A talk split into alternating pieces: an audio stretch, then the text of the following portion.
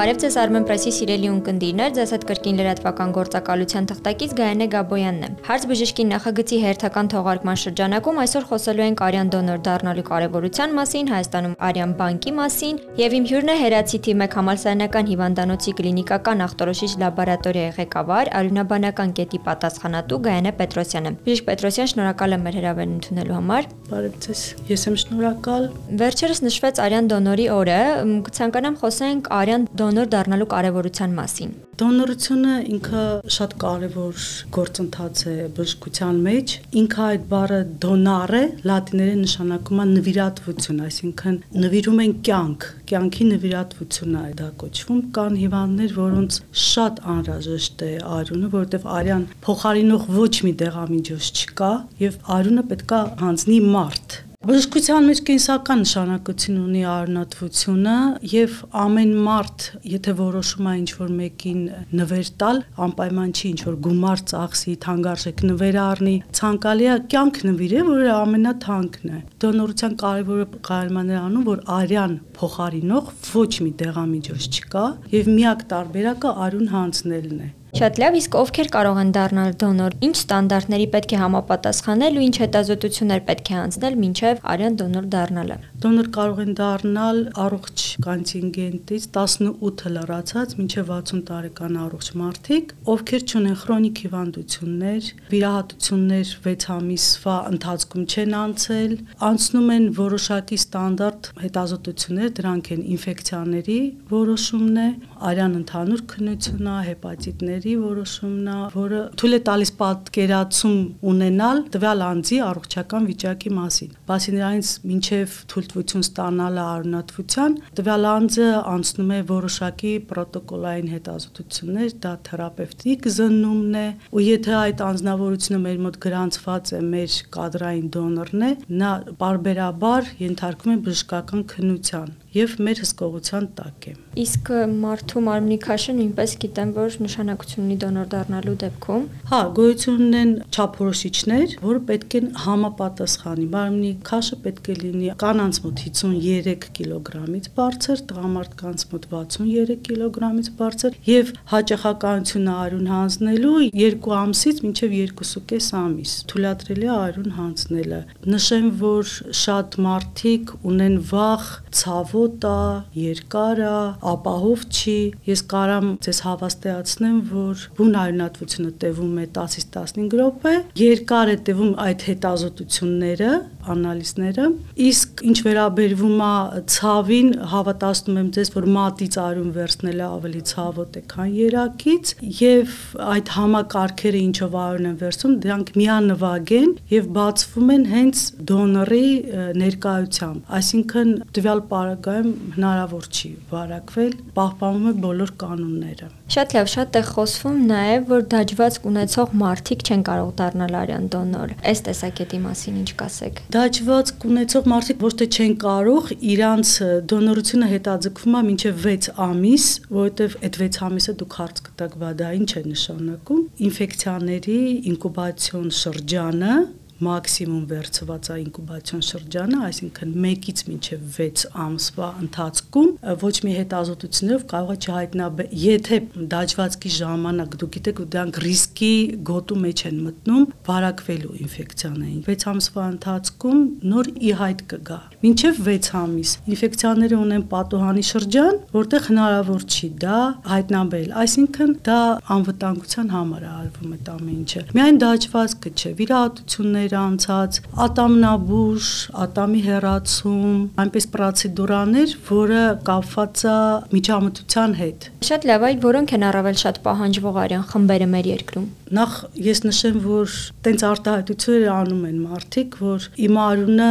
ամենաչճարվողն է, իմ արունը ամենա եւ այլ եւ այլ։ Չկա տենց բան։ Բոլոր արունները պահանջված են, բոլոր արունները հավասար սանդղակի վրա են։ Ուղղակի պոպուլյար պոպուլյացիայի տարածվածության մասին է խոսքը։ Հայաստանում առաջի եւ երկրորդ խմբի արյունները ավելի տարածված են, առաջի երկրորդ դրական արյունները, բայց հնարավոր չէ ասել երրորդ դրականը քիչ է։ Հիմնականում տոկոսային առաջի երկրորդը շատ է, պահանջված այդ խմբերն են։ Շատ հաճախ, ասենք հիվանդանոցում ունեն մենք ծանր հիվանդներ նույն խմբի երկրորդ կամ առաջի խմբի եւ արյունը չի բավարարում, կանչում ենք դոնորներ եւ այլը, զարմանում են, ասում են ոնց թե այս ամբողջ ազգը երկրորդ դրականա դուք արյուն չունեք, Այո, հիվանդներն էլ են, չէ՞, շատ երկրորդ դրական։ Իսկ մի հարց, արյան խմբերից կա որևէ մեկը, որը որ փոխարինում է մնացած բոլորին։ Այդ մոտեցումը տարիներ առաջ ընդունելի էր, երևի դուք էլ կիմանաք, որ առաջի դրականը համարվում էր ունիվերսալ դոնոր, 4-րդ խումբը համարվում էր դրական ունիվերսալ ռեցիպիենտներ, այսինքն իրանց բոլոր խմբի արները կարային ներարկեին, բայց հիմա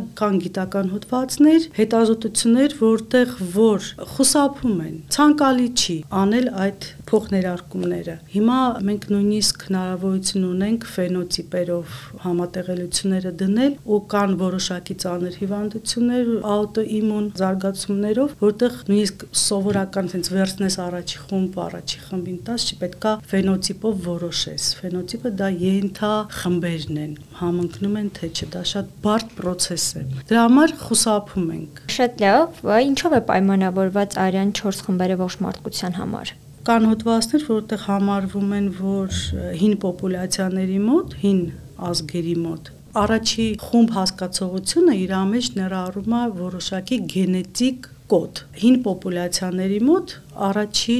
խումբն ավելի շատ տարածված, երկրորդ խումբը, առաջի երկրորդ խումբը հին պոպուլյացիաների մոտ է տարածված, հետո հայտնաբերվել է երրորդ խումբը, չորրորդ խումբը, բայց այդ բոլոր խմբերը ունեն իրենց ենթախմբերը։ Դա գենետիկ կոդն է, գենետիկա է։ Շատ լավ։ Այ այրան խմբով պայմանավորված հնարավոր է որոշել հիվանդությունների հնարավոր ռիսկերը եւ մենք ազգային, հա, ինչ որ բնորոշ արյան գենետիկ ինչ որ խնդիրներ ունենք, թե չէ, որոնք որ հենց ազգային են։ Հենց կոնկրետ որ հայերին բնորոշ արյան խմբի հետ կապված տենց հետազոտություններ չունենք ազգային մեր պոպուլյացիայի, ազգային նորմաներն էլ չունենք։ Դա ամինչը ընթացքում է հիմա ռեֆերենս նորմաները ազգային չկա հայկական արյան հետ կապված խմբեր հիվանդություն, որը բնորոշ է հայ ազգին, ապացուցողական բժշկության մեջ չկա դեռ տենց բան։ Շատ լավ, ինչու են բացասական արյան խումբ ունեցող մարդիկ ավելի սակավ, քան դրական արյունով։ Կա որևէ ուսումնասիրություն սրա վերաբերյալ։ Խորը ուսումնասիրություններ չկա կա, բայց ասեմ ձեզ, սա էլ էլի բուն գենետիկայի հետ է կապված։ Հնարավոր է երկու դրական անհատներից ծնվի մեկ բացական երեխա։ Դա հնարավոր է։ Դա գենետիկա է, հասկանում եք։ Հավանականության օրենքներն են ստեղ գործում։ Շատ լավ, իսկ մի հարց էլ հղիության շրջանում հնարավոր է որոշել երեխայի արյան խումբը։ Այո, հիմա գիտություն այնքան է զարգացել, որ հնարավոր է որոշել, հնարավոր է կանխատեսել եւ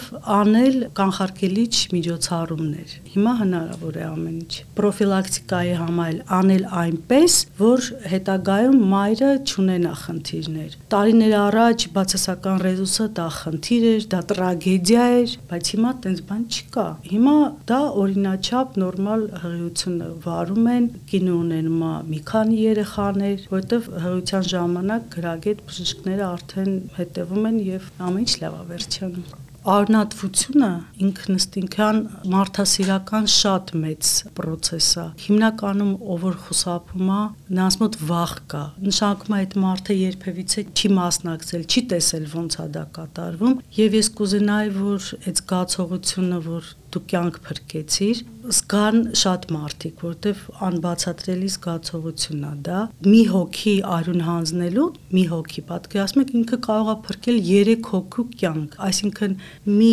դոնացիայից, մի process-ից պատրաստվում է 3 կոմպոնենտ՝ էրիթրոցիտար զանգված, պլազմա, տրոմբոցիտներ, որոնք կարող են 3 հոգուն անհրաժեշտ լինել։ Դե պատկերացնում եք ինչ երջանկություն է իմանալ, որ դու կյանք փրկեցիր փոքրիկ երեխան բան քո կարիքը ունի։ Ես կցանկանայի, որ եթե ինչ որ մեկը ուզում է բարի գործություն անել, բարի գործ անել, նվեր տա, կյանքից թանգնվեր չկա, ես կարծում եմ։ Թող չվախենան, թող դիմեն այդ քալի ու կոչ եմ անում, որ պետք չի սпасել վատ լուրի դժբախտություն լինի, արհավիրք լինի, պատերազմ լինի, որ մարդիկ որոշեն գնանք արուն տանք փրկենք, որը էլի ողջունելի է ու մենք դրա խնդիրը չունենք։ Խաղաղ կյանքում այդ արունը պետք է հավատացեք, որ պետք է հիվանդներին ու կոչ կանեմ, որ սենց ասեմ 2023 թվականի ԱՀԿ-ի կարգախոսն է հանձնիր արյուն, հանձնիր պլազմա եւ այրա դա անընդհատ Ես կուզեի, որ այդ կարկախոսը բոլորիս մեջ մտնի, գոնե մի անգամ կյանքում ամեն մեկս փորձի այդ բարի գործը անել։ Հավատացեք, զգացողությունը անբացատրելի է։ Նշեմ արունատվության դրական կողմերը, Նախ որոշակի քանակի արուն հանձնելով